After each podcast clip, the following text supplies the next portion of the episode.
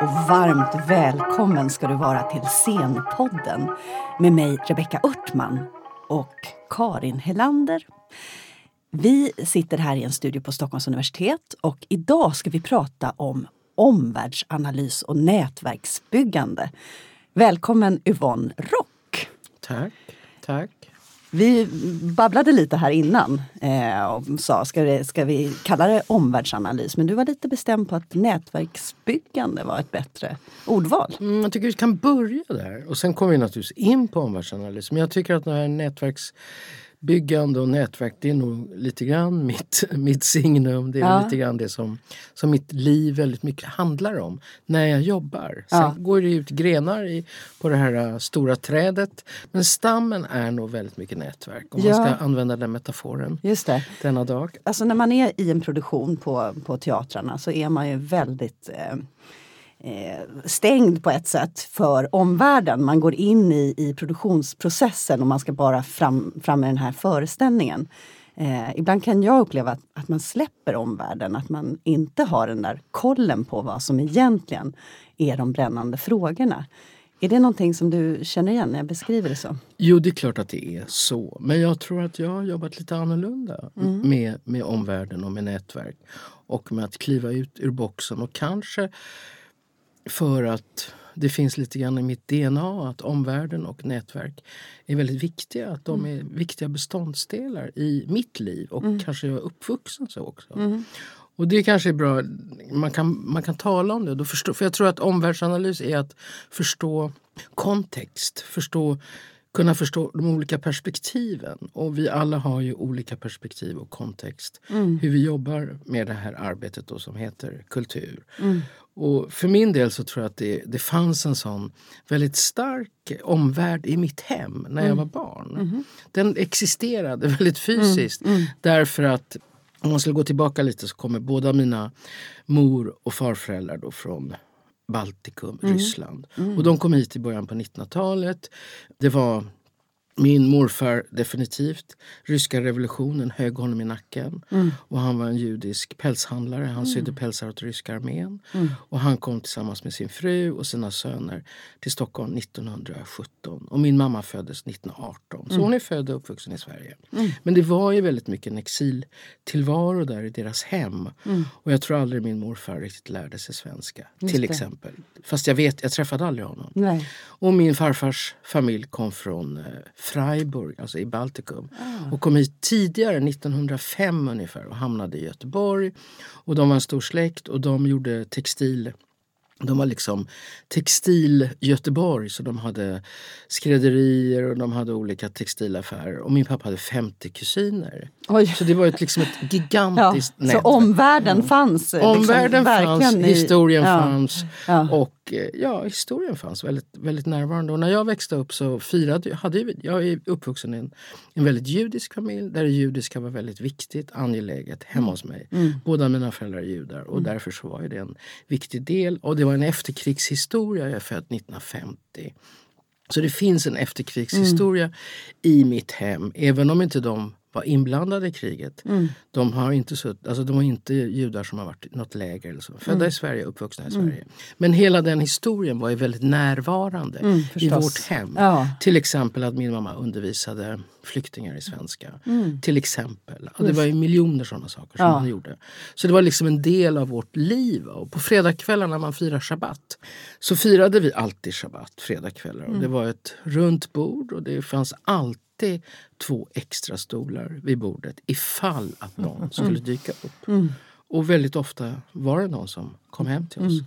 Och det var oftast människor från öst. Mm. Som var flyktingar eller på genomresa eller som hade något uppdrag eller behövde berätta någonting för henne. För hon hade, hon hade liksom bott utav omständigheterna, hennes familj, hade hon bott i Riga ganska länge och var uppvuxen där. Mm. Trots att hon var liksom född i Sverige men hennes mamma dog i tidig ålder. Hennes pappa kunde inte ta hand om henne. Mm. Så hon blev liksom ivägskickad till en moster i Riga. Så hon hade det här ryska väldigt starkt. Mm. Hon kunde språken. Mm.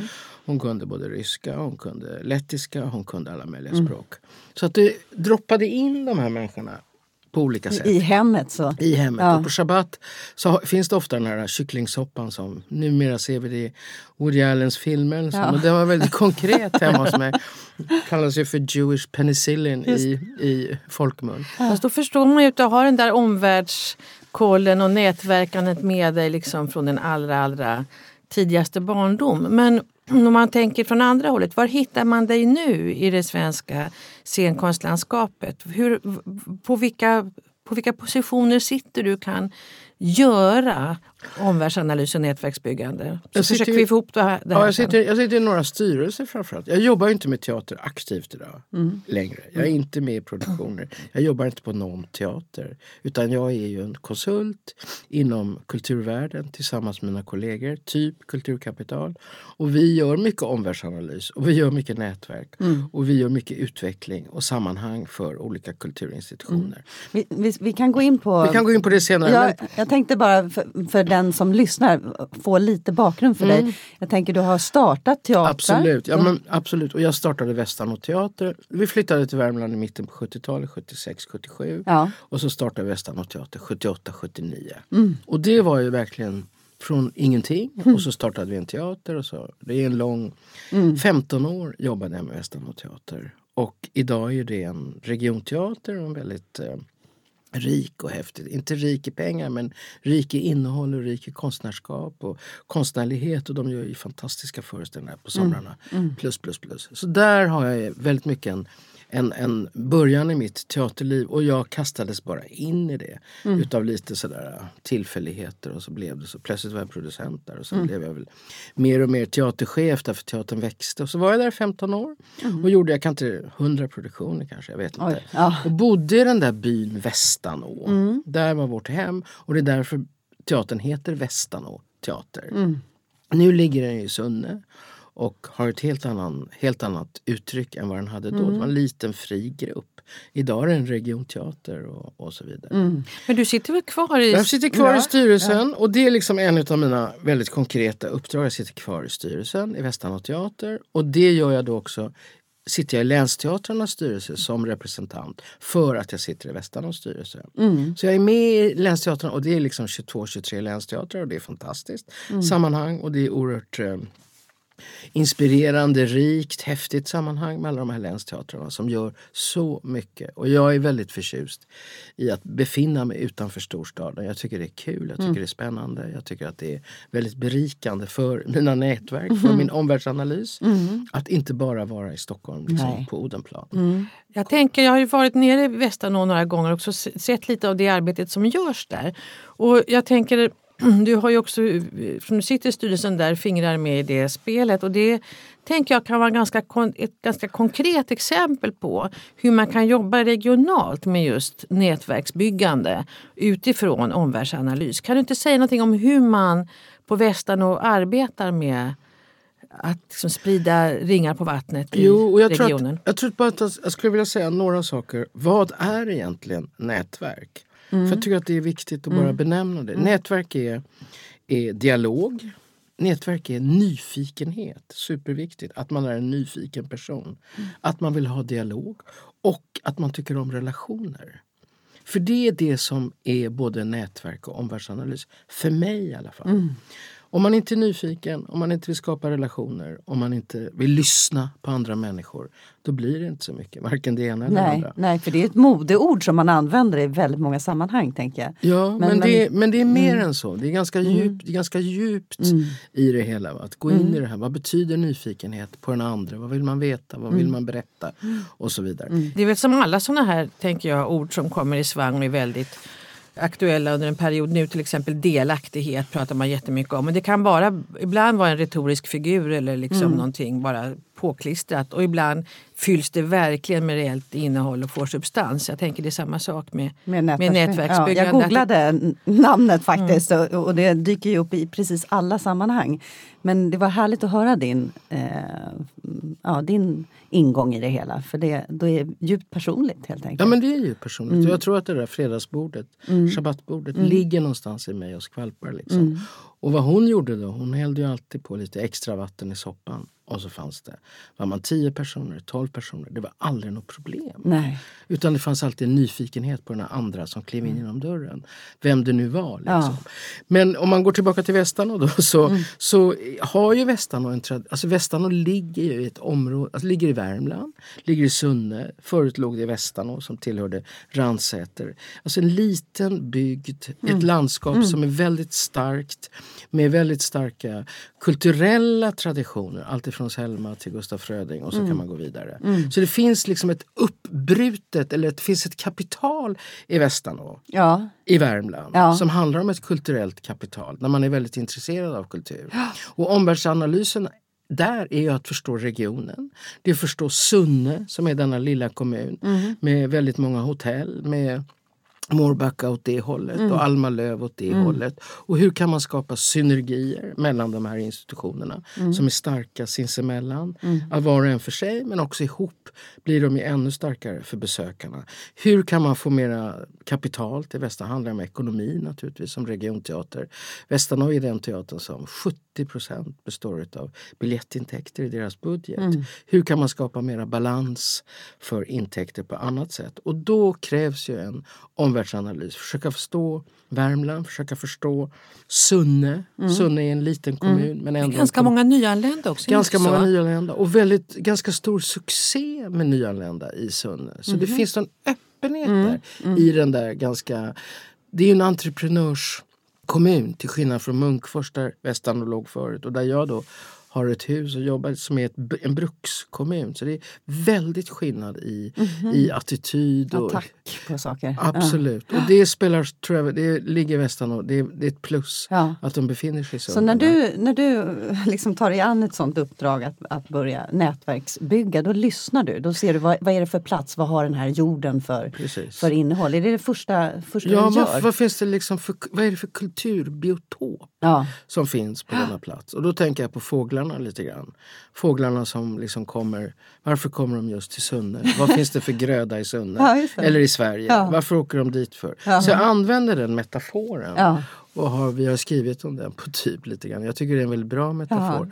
Vad, vad, vad finns det för, kultur, vad finns det för, för, för gröda Ja. i det? Och det finns ju mycket. Va? Ja. Och vi har ju varit med och skapat den här Västan och folk som det heter Mm. med, med olika aktiviteter. Och där fick vi verkligen ge oss an, lägga ut kartan och förstå och skapa relationer. Det är superviktigt. Mm. Och vara nyfiken på de människorna som finns i Värmland. Vad har de att berätta? Vad är, de, vad är liksom angeläget för dem? Mm. Allt ifrån politiker till... Eh, Precis, för vilka nivåer opererar man på? Var Man börjar man liksom? Man börjar ofta med politiken. Man Mm. måste förstå politiken. Och då kanske jag fick den här enorma förmånen att på 80-talet när jag bodde i Värmland, jag flyttade ifrån Värmland 94 till Stockholm. Mm. Liksom återvände till Stockholm, det kan vi ta lite senare. Men, men när jag bodde i Värmland så fick jag ju en, dag, en, en påringning av vår utrikesminister Margot Wallström. Som ville, då var hon då var hon ungdomsminister. Det var hennes första uppdrag. Ja. Och då ville hon skapa något sammanhang. Så hon kallade för Margots kök. Ja. Så bjöd hon ner mig till Margots kök. Ja. Och så sa hon, kan inte vi göra någonting tillsammans? Du som kan kultur, du som har nätverk. Det var verkligen det hon sa. Du som har nätverk Yvonne, kan inte du vara med och jobba lite med mig? Och jag vill inte att du ska ha något kontor. Nej, men köp en mobiltelefon, för det tror jag är bra. ja. Det här är alltså 83. Då var de ganska stora. Jag tänker han vägde liksom fem kilo. Och så ska vi skapa något som heter Kulturbudkaven. Vi ska sätta igång ett nätverk. Men då hade du, börjat, då hade du redan teatern, eller? Nej? Ja, ja, så hon- 78. Ja, just det. Hon hade varit på teatern en Mm. del. Och vi, nej, ja, vi, henne, en av hennes rådgivare kände mig. Mm. Han var landstingspolitiker. Så vi blev ett gäng som kom in i hennes kök. Och, det, och så satt vi där och tänkte, vad kan man göra för ungdomar idag? Liksom Mm. väldigt, sådär väldigt eh, öppen diskussion. Nyfikenhet. Vad kan man göra? Vad ser du? Vad tror du? Mm. Eh, berätta, reflektera. Vad är din omvärldsanalys Mm. på hur det ser ut? Kultur plus ungdom. Och då satt vi där och pratade ganska länge och sa, kan inte du som har ett sånt bra nätverk sätta igång någonting? Och det resulterade i kanske 150 olika projekt från norr till söder i Sverige. Som var att hon hade x antal kronor från Arvsfonden och hon öppnade Arvsfonden då till att även kunna jobba med kulturprojekt. Oj. Oj, den har blivit en stor kulturaktör. Absolut. för och, många. Ja men verkligen. Och det här är då tidigt, 84 kanske. Och då var hennes tanke att ungdomar ska jobba med kultur. De ska starta föreningar och de ska få möjlighet att söka pengar från Arvsfonden. 300 000, 200 000, 500 000. Men det är de som ska driva det. Sen kan de ta in professionella. Men det är de som ska vara navet i de här projekten. Var det det som var kulturbudkaveln? Mm, det var Kulturbudkaveln. Och det pågick kanske i tre år. Och jag gjorde det tillsammans med Cleo Boman. Vi gjorde det, detta- jag känner ju Cleo sen, sen eh, hundra, ja, väldigt länge. Hundra år sedan. Ja men verkligen, vi jobbade ju med något som heter Cirkus Riks Ja. på Riksteatern på Jaha. början på 70 eller mitten på 70, 75 kanske. Ja. Som är också ett stort nätverk och en, stor, en, en rolig historia. Hur vi fick, jag fick en idé från London där jag var arbetade Ja. på 70, början på 70-talet. Och man skulle göra cirkusar, make a circus. Ja. Där man gjorde parader ute i eh, områdena och samlade alla barn. Mm. Och sen gjorde man nästa dag en cirkus där de själva fick vara delaktiga i detta moderna. Jag tänker att när du berättar att du måste vara en person som får igång andra. Ja, kanske mera för... Jag är, lite, jag är lite senior idag.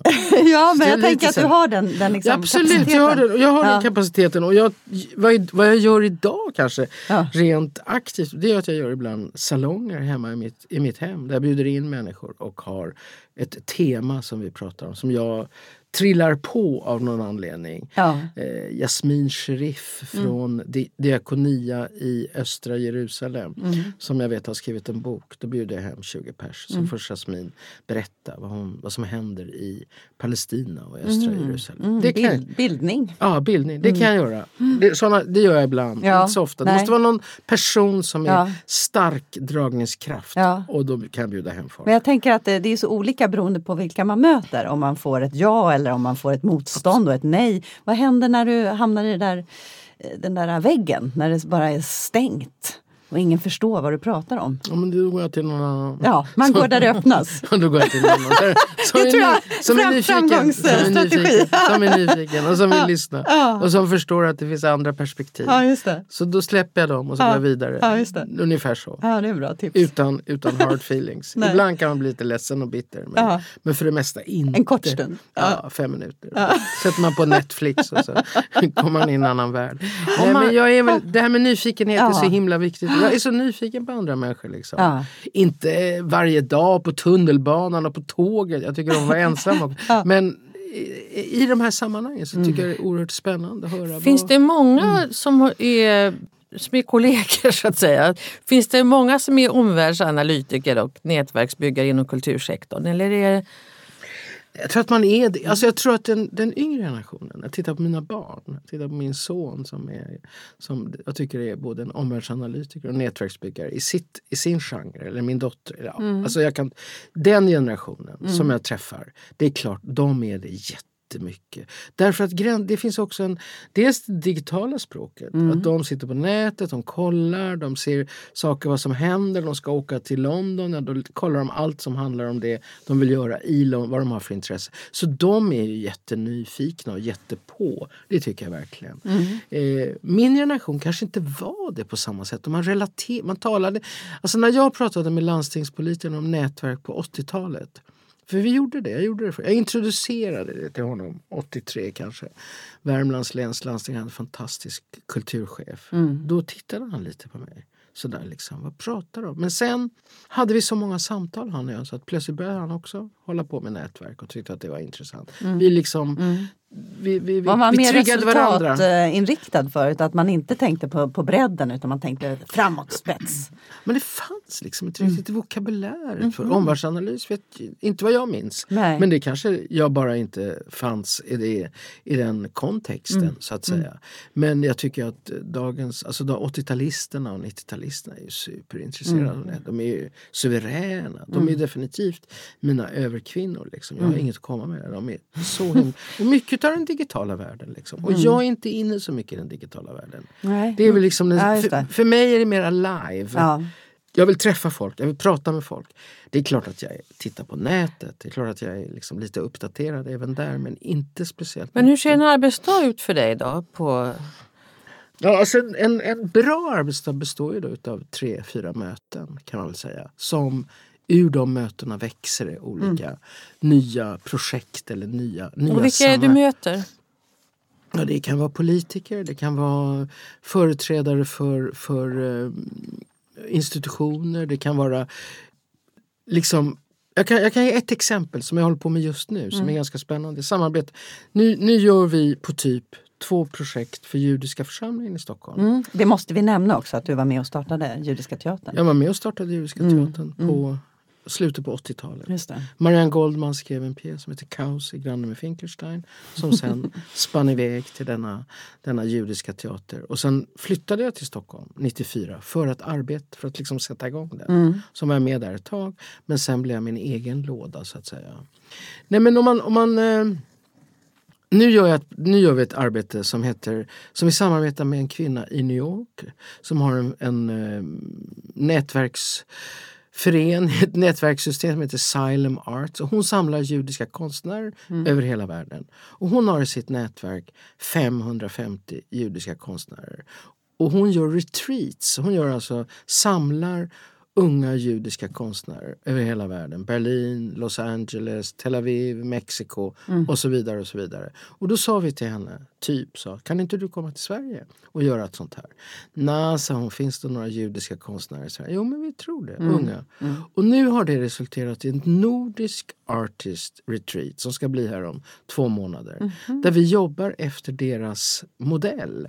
Och det är fyra dagar och det kommer vara utanför Stockholm på, ett, på, en, på en plats som kan härbärgera en massa människor. Och där kommer vi finnas och vi kommer bo där och vi kommer prata om varandras verk och de kommer få berätta om sina, sin konst och vi kommer diskutera. Och det kommer handla mycket om identitet naturligtvis. Sin judiska identitet i förhållande till sitt konstnärskap. Och vi kommer ha tre eller fyra masterclasses där vi bjuder ut människor som, som gör olika saker. Så det är till exempel en rabbin som kommer ut och pratar om judiska texter och utifrån ett konstnärligt... Han väljer någon text som funkar i det här sammanhanget. Vi har bett Amerika komma ut och mm. prata Amerika om... Vera. Amerika Vera mm. Zavala. Och för jag sitter också i hennes styrelse. Mm. I hennes communityteaterstyrelse. Så jag har mm. mycket, pratar mycket med henne. Mm.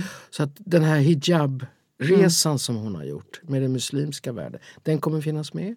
Och sen har vi bjudit ut Åsa Simma mm. som är konstnärlig ledare teaterchef på Sami, Giron Summit. Mm. Och hon, ja. där gör vi ett ganska stort uppdrag för dem på Typ. Mm. Så vi har en samtal med Åsa. vi måste tiden. också säga någonting om Typ, för Typ Kulturkapital heter företaget.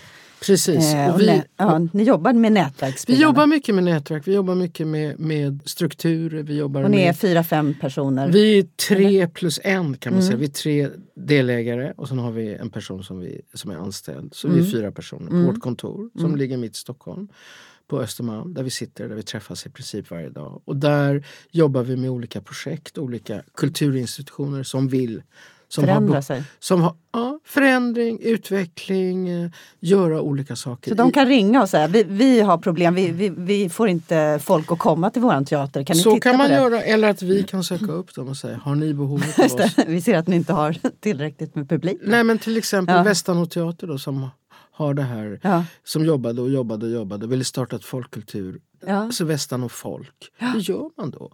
Och då tog de kontakt med oss. Och så har vi liksom byggt det där kan man säga från scratch. Mm. Och det har varit musikfestival och det är Unga Västan och med arvsfondspengar. Och det är ganska mycket som ja. har hänt. för att Och det handlar mycket om relationer, det mm. handlar mycket om eh, politiska kontakter, det handlar om träffa folk, det handlar om att söka pengar. Söka pengar är viktigt. Det gör vi hela tiden på typ. Mm. För de här som, som tar kontakt med oss, som har behov. Alla har ju behov av mm. extra pengar.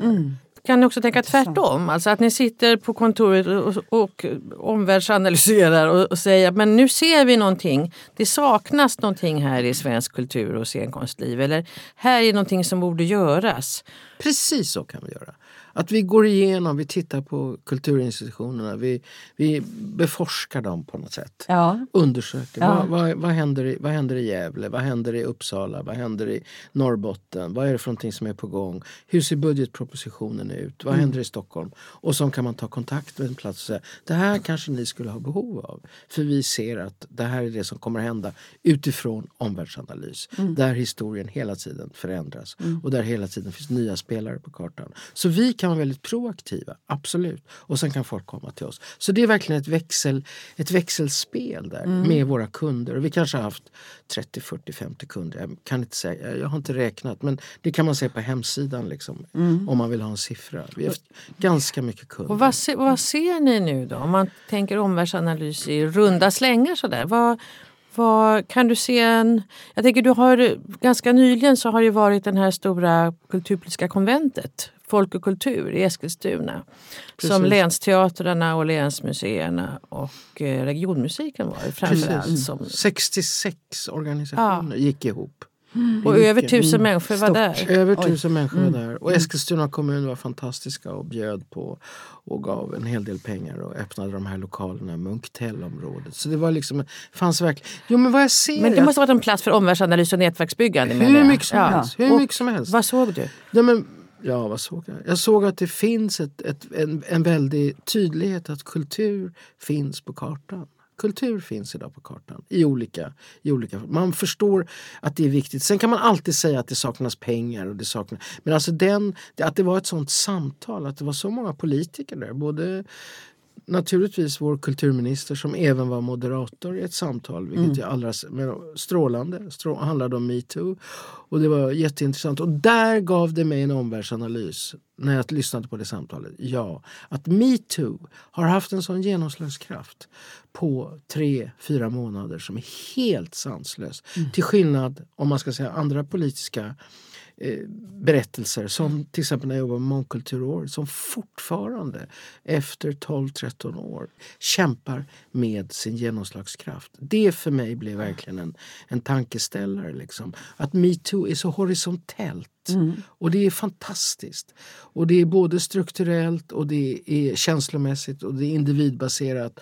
Och det har blivit en rörelse som är helt oslagbar i hela världen naturligtvis. Och det globala finns med. Medan det här med mångfald är fortfarande så trögt, så komplicerat, så svårt så att till och med man måste skriva ett brev till kulturministern idag på DNs kultursida för att försöka skapa förändring. Och då är det 2006 och idag 2018. Det är en skrämmande omvärldsanalys för mig att göra det. Och att man pratar om representation och man pratar om precis de sakerna. Vem har makten? Vem får sitta runt bordet? Vem får, vem får liksom berätta sin historia? Vem lyssnar man på? Vem blir exkluderad? Vem blir inkluderad? Och precis samma ord används idag men väldigt lite händer. Medans då, och det är väldigt det är fantastiskt att vi kan, att vi kunde och att vi kan mobilisera en sån kraft i förhållande till metoo. Det säger någonting om allt möjligt som vi inte behöver gå in på här. Vi förstår alla det. Liksom. Det har såna, såna Fast det är intressant det här med, för jag har också tänkt på det, för du var ju väldigt inblandad i det här som hette väl mångkulturåret 2006. Ja, jag var ju ordförande. Ja, Ja. precis. Och du, du, var, du, var också, du var också med och skrev, tänker, var ansvarig för något betänkande kring Ja, mångfald. 400 som, sidor. Ja, Och där jobbade jag med nätverk. Jag satte ihop folk, jag matchade människor, jag koppleriade, jag reste runt hela Sverige. Jag pratade, pratade, pratade.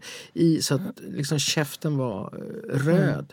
Men på någon nivå kan jag tycka att väldigt lite ändå har förändrats, även om det klart har förändrats. Och det är inte min förtjänst, det är mera människor som har vaknat upp på de här olika platserna och säger vi måste göra något. Liksom.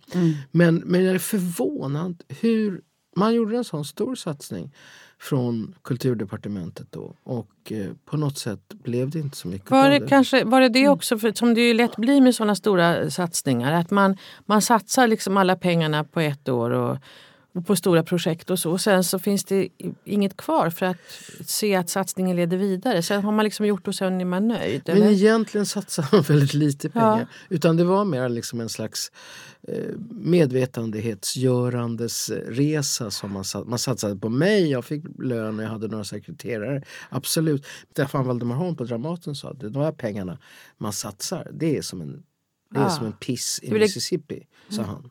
Det är så lite pengar. Och då blir det mycket utanverk och yta. Ja, och, och på ett sätt var det moget, på ett sätt var det inte moget. På ett sätt måste man alltid prata om de här frågorna. Och det kanske det, det fanns ju med en sån dimension i det här med folk och kultur. De är ju väldigt medvetna om det. Men var det det också då att jag tänker om man jämför med metoo som du säger. Alltså grunden fanns inte på samma sätt. Nej, det det det mullrade det inte Nej, på samma nej. sätt. Det fanns liksom inte en beredskap brett på samma sätt som kunde trycka på underifrån. Absolut, absolut. Och även om det var liksom 56 statliga myndigheter som skulle vara med och, Mm. och så vidare. och så vidare. Det finns ju en enorm kulturapparat i Sverige. Mm. Imponerande kulturapparat. Som man bara kan sätta igång därför att det finns så mycket kulturinstitutioner som har bidrag från staten. Så Nej men det handlar väldigt mycket om makt. Mm. Liksom. Det, var, det är så enormt starkt maktperspektiv. Jag måste alltså släppa min plats som chef eller som avdelningschef eller som ensemblechef till någon. Någon. Sådär, va? Mm. Och den känslan tror jag sitter så djupt i vårt land. Utav, vi har haft jättemycket invandring och det har varit en Mm. stark resa internationellt i Sverige. Men släppa makten, det har vi ingen lust med. Liksom. Den, får, den ska vara kvar i majoritetssamhället Mm. på någon vis. Du sa att det var ändå eh, vitala, förstår man, samtal på Folk och kultur i Eskilstuna och att kultur ändå på något vis hade fått en plats på, på agendan.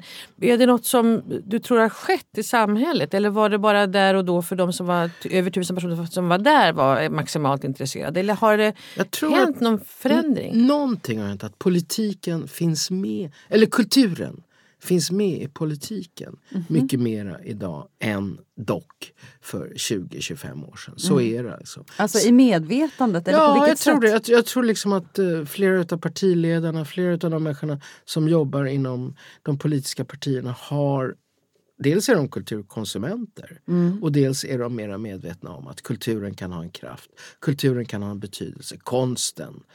Sen kan de bli lite väl instrumentella ibland och det blir då en backlash Ja. i förhållande till att kulturen, konsten måste få leva sitt eget liv så att det inte bara handlar om en instrumentalism. Och den diskussionen tror jag är jätteviktig att hålla vid liv.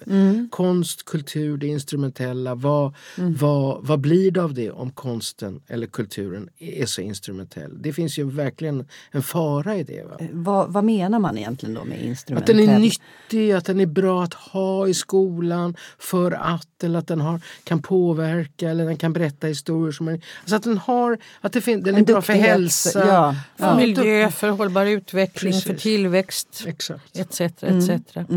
Stadsplanering och så vidare. Verkligen etc. etc. Och det finns en sån dimension, absolut. Men det måste, det fin, måste finnas någonting bakom det också. Att konsten måste vara ett eget liv. För att konsten är konsten och den måste få ett uttryck. Den måste få berätta saker som inte ska användas till hälsa och stadsutveckling. Etc. etc. Men när du väl- då är på Folk och kultur som kulturkonsult, nosar du fram där liksom, i jakt på Ja, nätverksbyggande och det är omvärlds-. Ja, Ja, det är vad, klart att det är. berätta, hur gör du? Är du strateg där? När du... Både och. Ja. Jag är, lite, jag är lite äldre nu så jag är inte superstrateg längre. Jag har ju liksom en mått av att nu vill jag bara vara. Men det är klart att det finns människor som jag söker upp och pratar med och undrar hur de... Som, som kanske finns i mitt nätverk. Ja. Hur går det? Du ska bli ny chef där och har du några behov och så vidare. Det är klart att jag har en sån, en, en sån antenn. En nyfikenhetsantenn, en strategantenn, en nätverksantenn, en jobbantenn. Men jag är inte så pushy Nej. idag. Går Som- du på lust eller vad är liksom... Vad jag går mycket antennerna? på tillfälligheter. Ah. Faktiskt. Ah. Att jag råkar hamna. Och så jag råkade hamna till exempel bredvid en kvinna från Jönköping som var KDS-politiker Mhm. i Jönköping. Och så sitter vi på den här salongen som Marika Lagercrantz har som för övrigt var en underbar upplevelse, verkligen.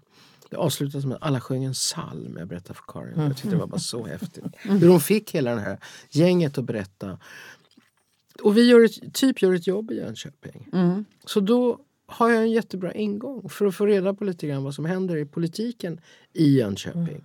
Utan att jag är speciell. Jag berättar för henne att vi gör ett jobb där. Så det är inte någon hemlighet för henne. Men jag är väldigt nyfiken på henne. Jag är intresserad. Genuint intresserad. Vad gör hon? KDS?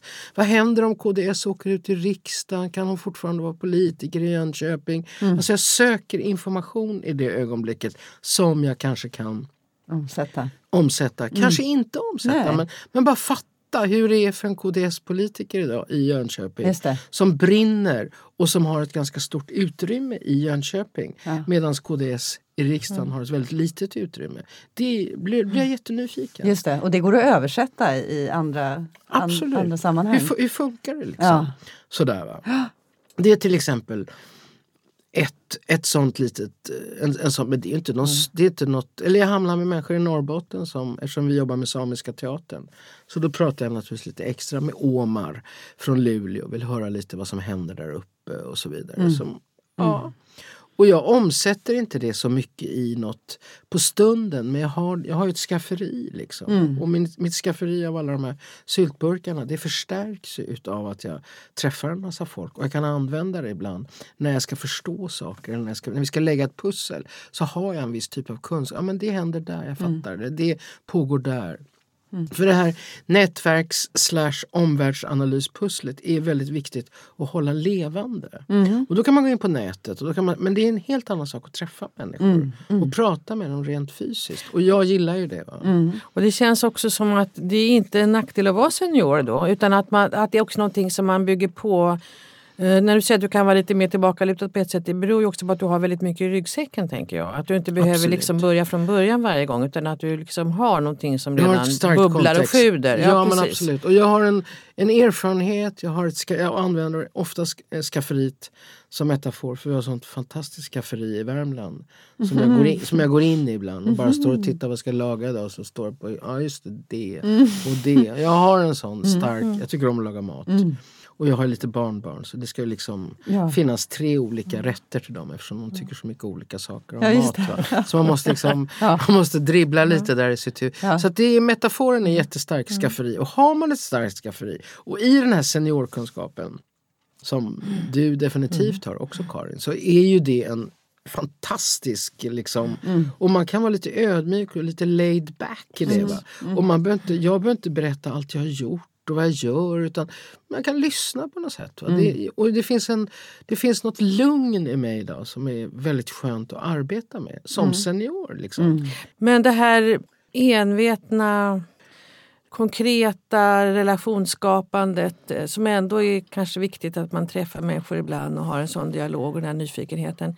Hur ser det ut? Alltså en grej som jag tycker kan vara problematiskt i den generationen är att det finns en historielöshet och det finns inte så mycket nyfikenhet på 78. Alltså att, till exempel det här med community-teater mm. som jag tycker är så fascinerande att det är så otroligt viktigt starkt idag.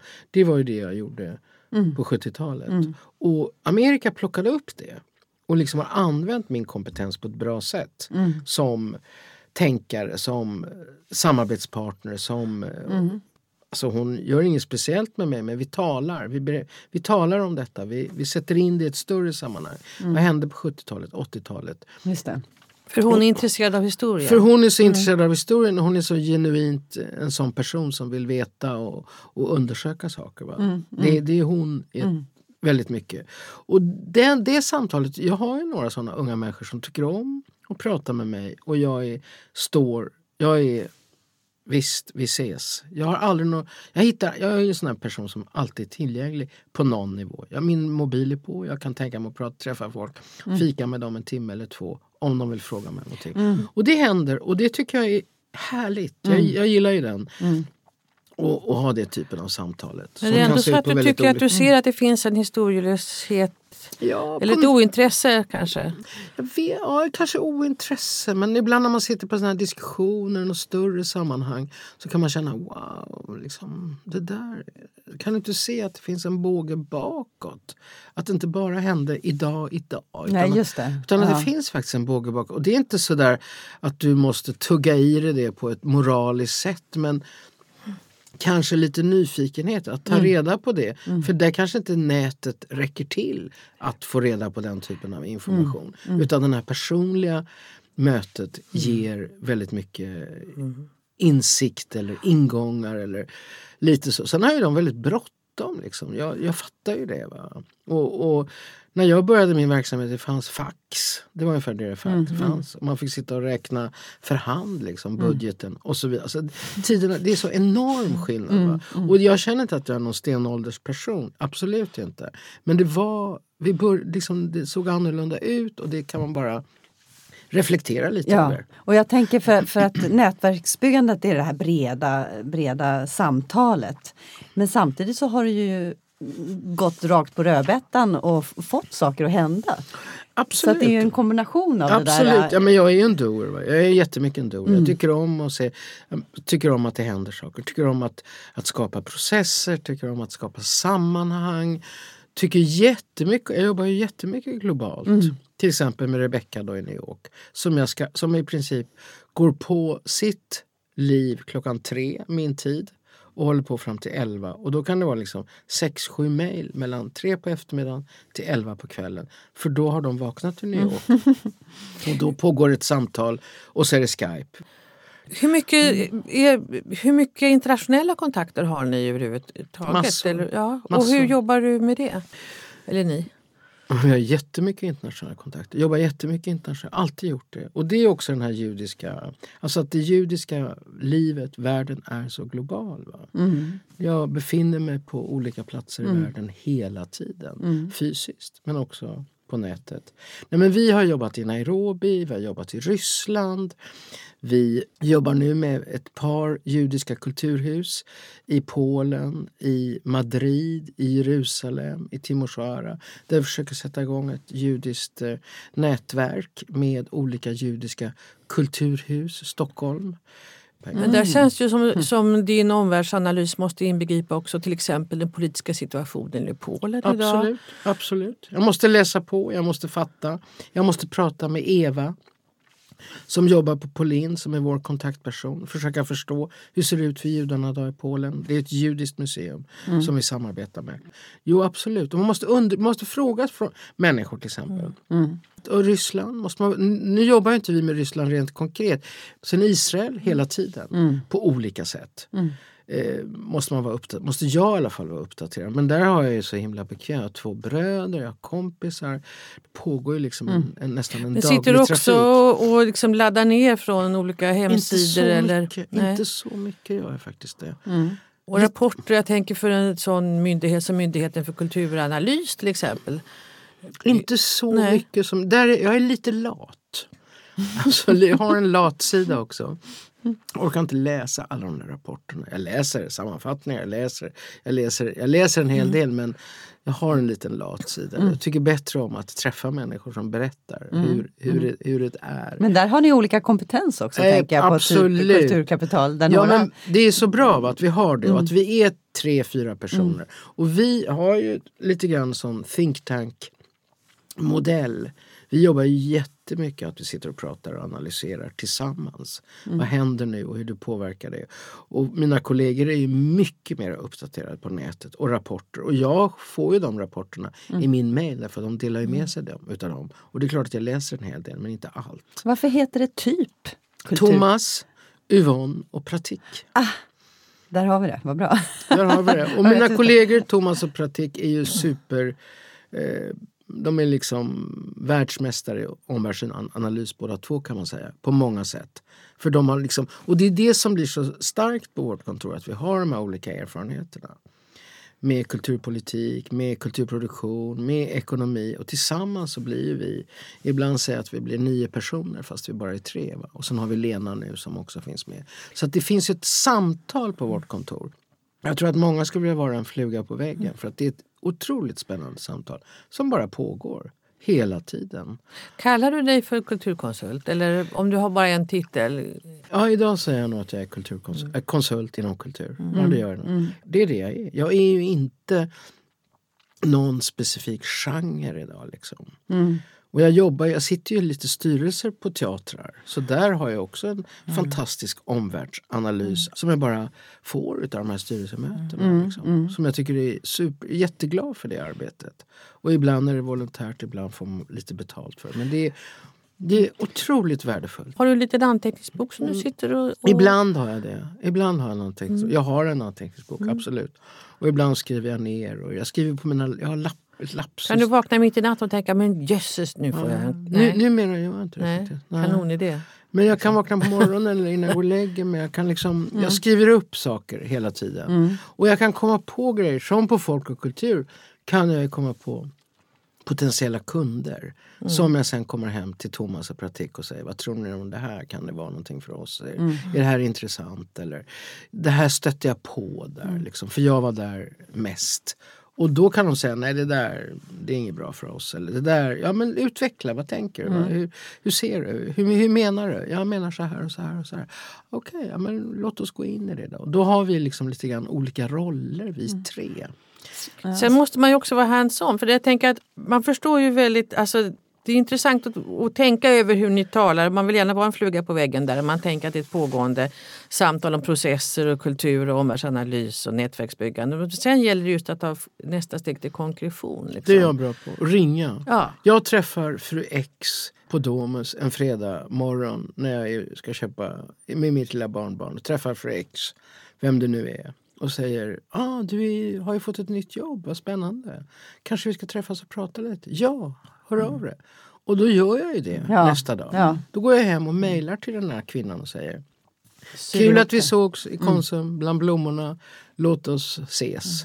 Och sen blir det ett möte. Och ibland förbereder vi oss supernoga för det här mötet. Vad det nu är för möte. Och ibland så är det lite på volley.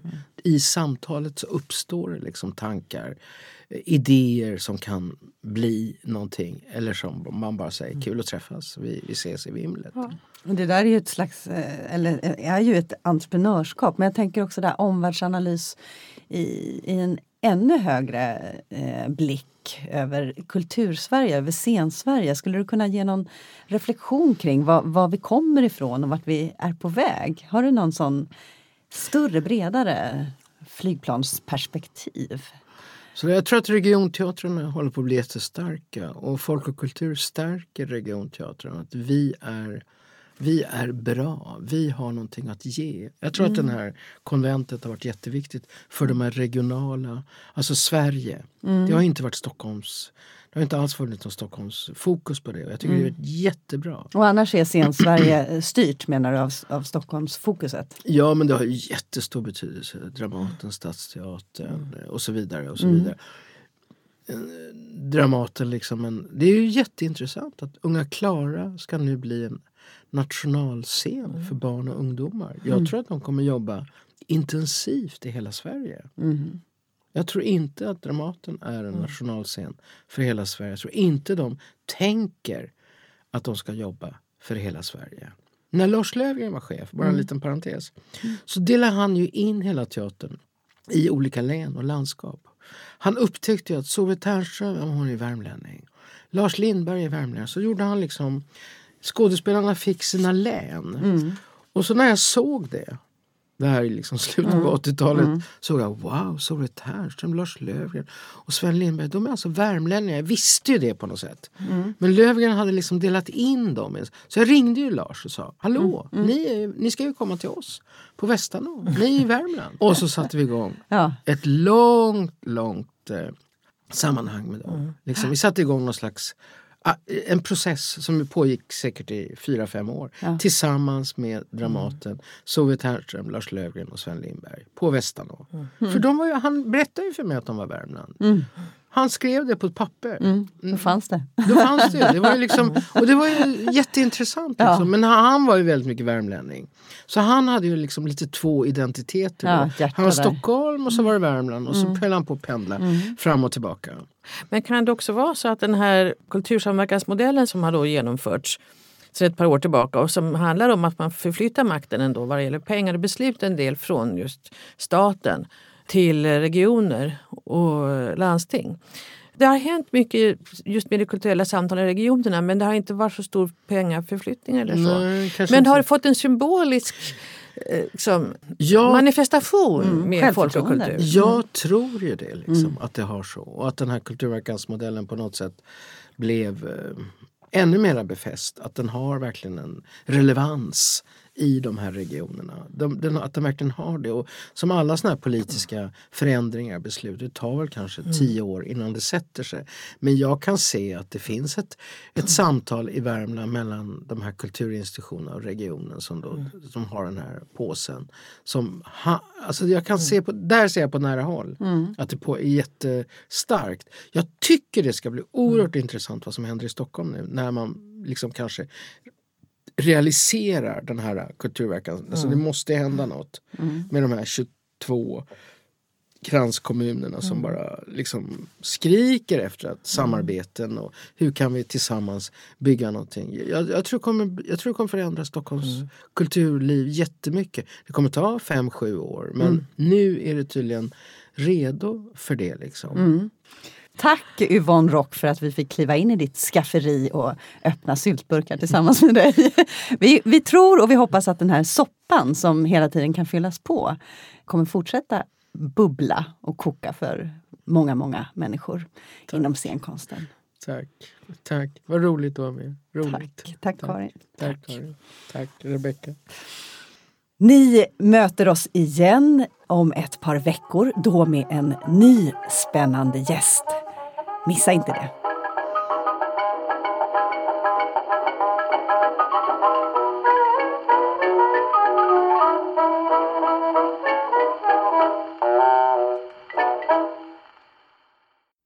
Du har lyssnat på Scenpodden, en podcast från Rats Teater och Humanistiska fakulteten vid Stockholms universitet. Podden spelas in på Språkstudion och tekniker är Henrik Nordgren.